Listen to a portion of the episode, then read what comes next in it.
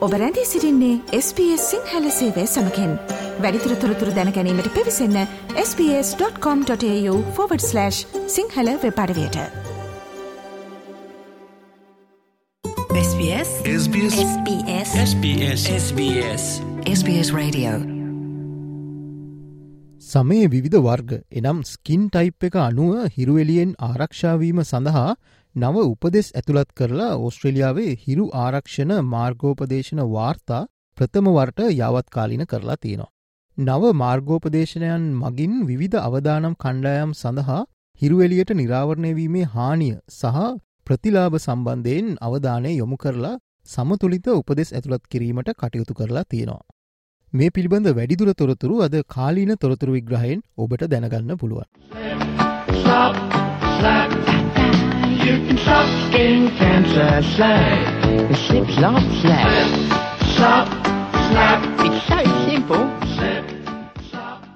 ඔස්ට්‍රේලියනුවන්ට එදස් නමසි අසුව එකේ සිට හිරුවෙලියෙන් ආරක්ෂාවීමට slip ස්ලොප් and ස්ලැප් ලෙස උපදෙස් දීලා තියෙනවා. ස්ලිප් යනු අත වැසෙනසේ ඇඳුම් ඇඳීම. ස්ලොප් යනු හිරු කිරණ වලින් ආරක්ෂාවීමට ආලේපන එනම් සංස්ක්‍රීන් භාවිතා කිරීම. සහ ස්ලැප් යනු හිස් වැසුම් පැළඳීම අදහස් කරනවා. දෙදස් හතේදී තවත් නිර්දේශ දෙකක් මෙයට එකතුනා.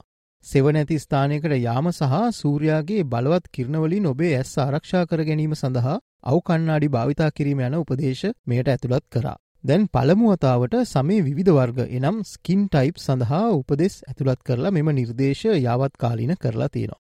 මෙම නව නිර්දේශ ඇතුළත් කිරීම බ්‍රිස්බේන්හි QIMR බර්ගහෝෆර් වෛද්‍ය පර්යේෂණ ආයතනය විසින් මෙහෙවන ලද අතර ඔස්ට්‍රලියාවේ කැන්ස කවුන්සිල් ඇතුළු සෞඛ්‍ය ආයතන විසින් මෙය අනුමත කරලා තියෙනවා. අධ්‍යයනයේ ප්‍රධාන පර්යේෂණ සහකාරිය වන මහාචාර්ය රේචල් නීල් පැහැදිලි කරන පරිදි නව උපදෙස් අනුව මිනිසුන් කාණ්ඩ තුනකට වෙන් කරලා තියෙනවා.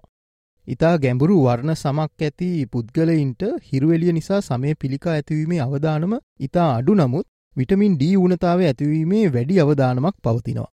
ඔවුන්ට හිරුවෙලියේ අනිකුත් ප්‍රතිලාභ මගහැරීමේ අවධානමක්ද තියෙනවා. එබැවින් එවැනි පුද්ගලින් සඳහා දිවාකාලයේ එලිමහනේ කාලය ගත කිරීමට උපදෙස් දෙන බව ඇය පවසා සිටියා. ලා පැහැති වර්ණයක් ඇති අය සඳහා වැඩි අවධානමක් පවතින බවත් ඔවුන් සිරුර හොඳින් වැසෙන පරිදි ඇඳුම් ඇඳ එලිමහනේ සිටියයුතු බවත් ඇය ප්‍රකාශ කර සිටිය. People with very deeply pigmented skin um, are at very low risk of getting skin cancer caused by the sun, but are at higher risk of vitamin D deficiency and not getting the other benefits. So for those people, we advise getting some time outdoors during the day and that routine sun protection is not required. At the other end of the spectrum, there are people who are at very high risk of skin cancer because they're very pale or they've got other risk factors. For those people, we recommend keeping fully covered when outdoors. If they do that, they run the risk of being vitamin D deficient. Um, so they will need to discuss their vitamin D requirements with their doctor. දෙවනි කණ්ඩෑම වන්නේ තද සුදු olive හෝ ලාදුමුරු පැහැති සමක් ඇති අයයි. මේ අය සමය පිළිකා ඇතිවීමේ අතරමැදි අවධානමක් ඇති අය වෙනවා. එම කණ්ඩෑම සඳහා සාමාන්‍ය හිරුවාවරණ ආලේපන එනම් සංස්ක්‍රීන් භාවිතය සඳහා උපදෙස් දීලා තියෙනවා. නමුත් විටමින් ඩී මට්ටම පවත්වා ගැනීම සඳහා සතියේ බොහෝ දිනවල එලිමහනේ ටිකක් කාලය ගත කිරීම සහ හිරුවෙලියට නිරාවරණය වීමේ වෙනත් ප්‍රතිලාභ ලබාගන්නා ලෙසත් උපදෙස් දීලා තියෙනවා. මහාචාර්ය ඇන් කස්ට් පිළිකා කවුන්සිලයේ සමේ පිළිකා කමිටුවේ සභාපති වන අතර හිරු එලියට නිරාවරණය වීම සෞඛ්‍යයට අහිත කරමින්ම ප්‍රයෝජනවත් විය හැකි බව පවසා සිටිනවා. අවදානම සෑම කෙනෙකුටම වෙනස් බවත් එය පිළිගැනීම මෙම උපදේශයේ මූලික කරුණ වී ඇති බවත් ඇය පවසා සිටිනවා. එසේම ඕස්ට්‍රේලියාව ලෝකයේ අනිකුත් රටවල් අතරින් සමය පිළිකා ඇතිවීමේ ඉහළම ප්‍රවණතාවය පෙන්වන රට බවද ඇය වැඩිදුරටත් කියා සිටිය. Australia has the highest rate of skin cancer in the world. So that that is a key priority for us to you know reduce the amount of skin cancer that people are developing. Um, but we do know that the sun also brings some benefits. It can uh, help your body to produce vitamin D. It can help um, with your eyesight and um, with mental health. So it's important that we get the balance right හිරුවෙලියට නිරාවරණය වීමේ ප්‍රතිලාභ පිළිබඳ සාක්ෂි ඉහළයමින් පවතින බව මහාචාරය Neil පවසනවා. විශේෂයෙන්ම calcium අවශෝෂණයට උපකාරවන vitamin ඩීවල ඇති බලපෑම පිළිබඳ ඇය අවධාරණය කර සිටිය. විටමින් ඩී ප්‍රතිශක්ති කරන පද්ධතියට ඉතා වැදගත් බවත් බොහෝ ශාක්ෂී ඒ වෙනුවෙන් ලැබෙන බවත් ඇය කියා සිටිය. මේ අතර හිරුවලියෙන් තවත් බොහෝ ප්‍රතිලාභ තියෙන නිසා විටමින් D පමණක් අමතරව ශරීරයට ලබාදීම ප්‍රමාණවත් නොවන බව ඇය වැඩිදුරටත් පවසා සිටියා. We've known for quite a long time that vitamin D is very important for our bones, but we've got more evidence now showing its importance, particularly for uh, the immune system and therefore diseases related to the immune system, both infectious disease outcomes and then autoimmune disease outcomes like like multiple sclerosis and other things. Um, but we also now have more information suggesting that independently of vitamin D, the sun might have some benefits, which is why just taking a vitamin D supplement is not necessarily the optimal approach for everybody.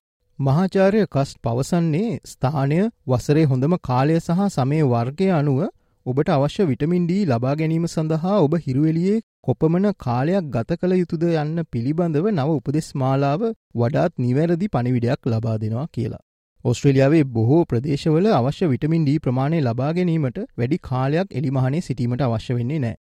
නමුත් තස්මේනියාවේ ප්‍රදේශයක ඔබ ජීවත් වෙනවා නම් ඔබේ සමය වර්ගය අනුව ශීතකාලයේ බොහෝ වේලාවක් එලිමහනේ සිටීමට අවශ්‍ය විය හැකි බව ඇය පවසා සිටියා. Anecdotally, you know, I often hear people talking about, I'll go outside, get some vitamin D. Uh, but people don't really know, you know, how much time you need to spend out outdoors. And in spring and summer, in most parts of Australia, you only need a few minutes outside to get sufficient levels of vitamin D.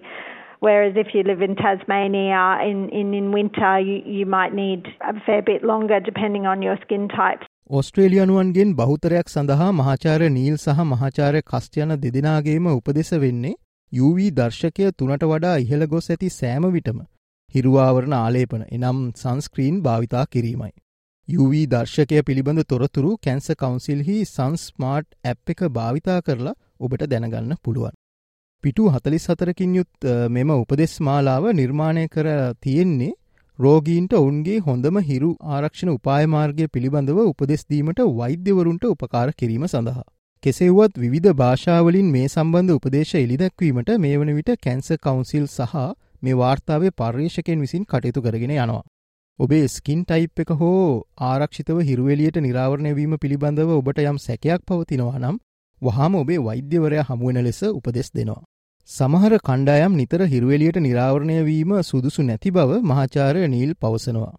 තවද විවිධ හේතු මත නිරන්තරයෙන් ශරීරය ආවරණය කරන සිටින අය විටමින් ඩී ලබා ගැනීම ගැන අවධාරණය යොමු කළ යුතු බවද ඇය වැඩිදුරටත් කියා සිටියා. We completely recognise that that's not always possible um, because some people wear clothing that fully covers their skin for a range of reasons.